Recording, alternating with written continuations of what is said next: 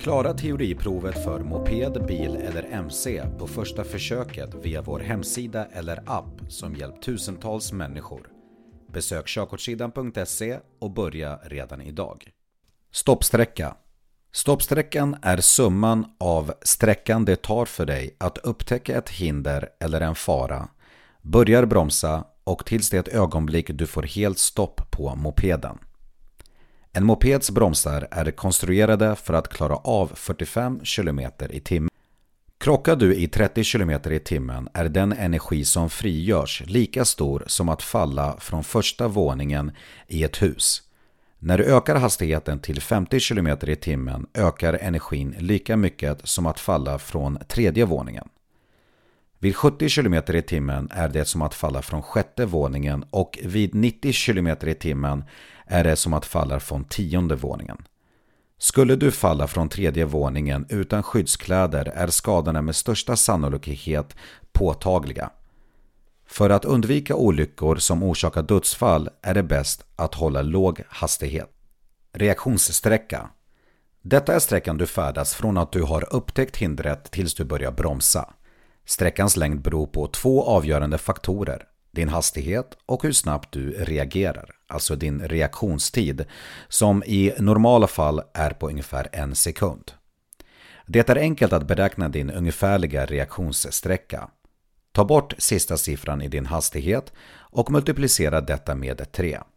Så att exempelvis om du kör i 50 km i timmen så tar du bort nollan. Då har du alltså 5 kvar. Och 5 ska du multiplicera med 3.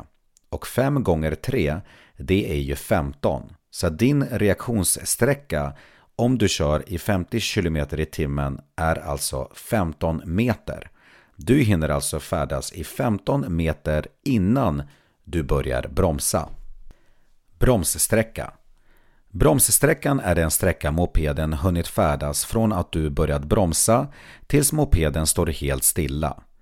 Bromssträckan är svårare att mäta än reaktionssträckan då den påverkas av en mängd faktorer som hastighet, väglag, däck, bromsteknik eller vikt på mopeden. Förenklat kan man säga att bromssträckan ökar kvadratiskt med ökande fart. Ett sätt att räkna ut en ungefärlig bromssträcka på torrt och säkert vägunderlag under perfekta förhållanden är att ta första siffran i din hastighet och multiplicera den med sig själv och sedan multiplicera summan med 0,4. Exempelvis, säg att du kör i 50 km i timmen. Då tar du alltså 5 multiplicerat med 5 och det blir ju 25. Och 25, alltså summan, multiplicerar du alltid sedan med 0,4. 25 multiplicerat med 0,4 blir 10. Din bromssträcka blir alltså 10 meter om du kör i 50 km i timmen under perfekta förhållanden. Stoppsträcka Stoppsträckan blir alltså summan av sträckan det tar för dig att upptäcka ett hinder eller en fara tills att du börjar bromsa ända tills att du får helt stopp på fordonet. Stoppsträckan blir alltså summan utav reaktionssträckan och bromssträckan som vi nu har lärt oss vad det är och hur man räknar ut.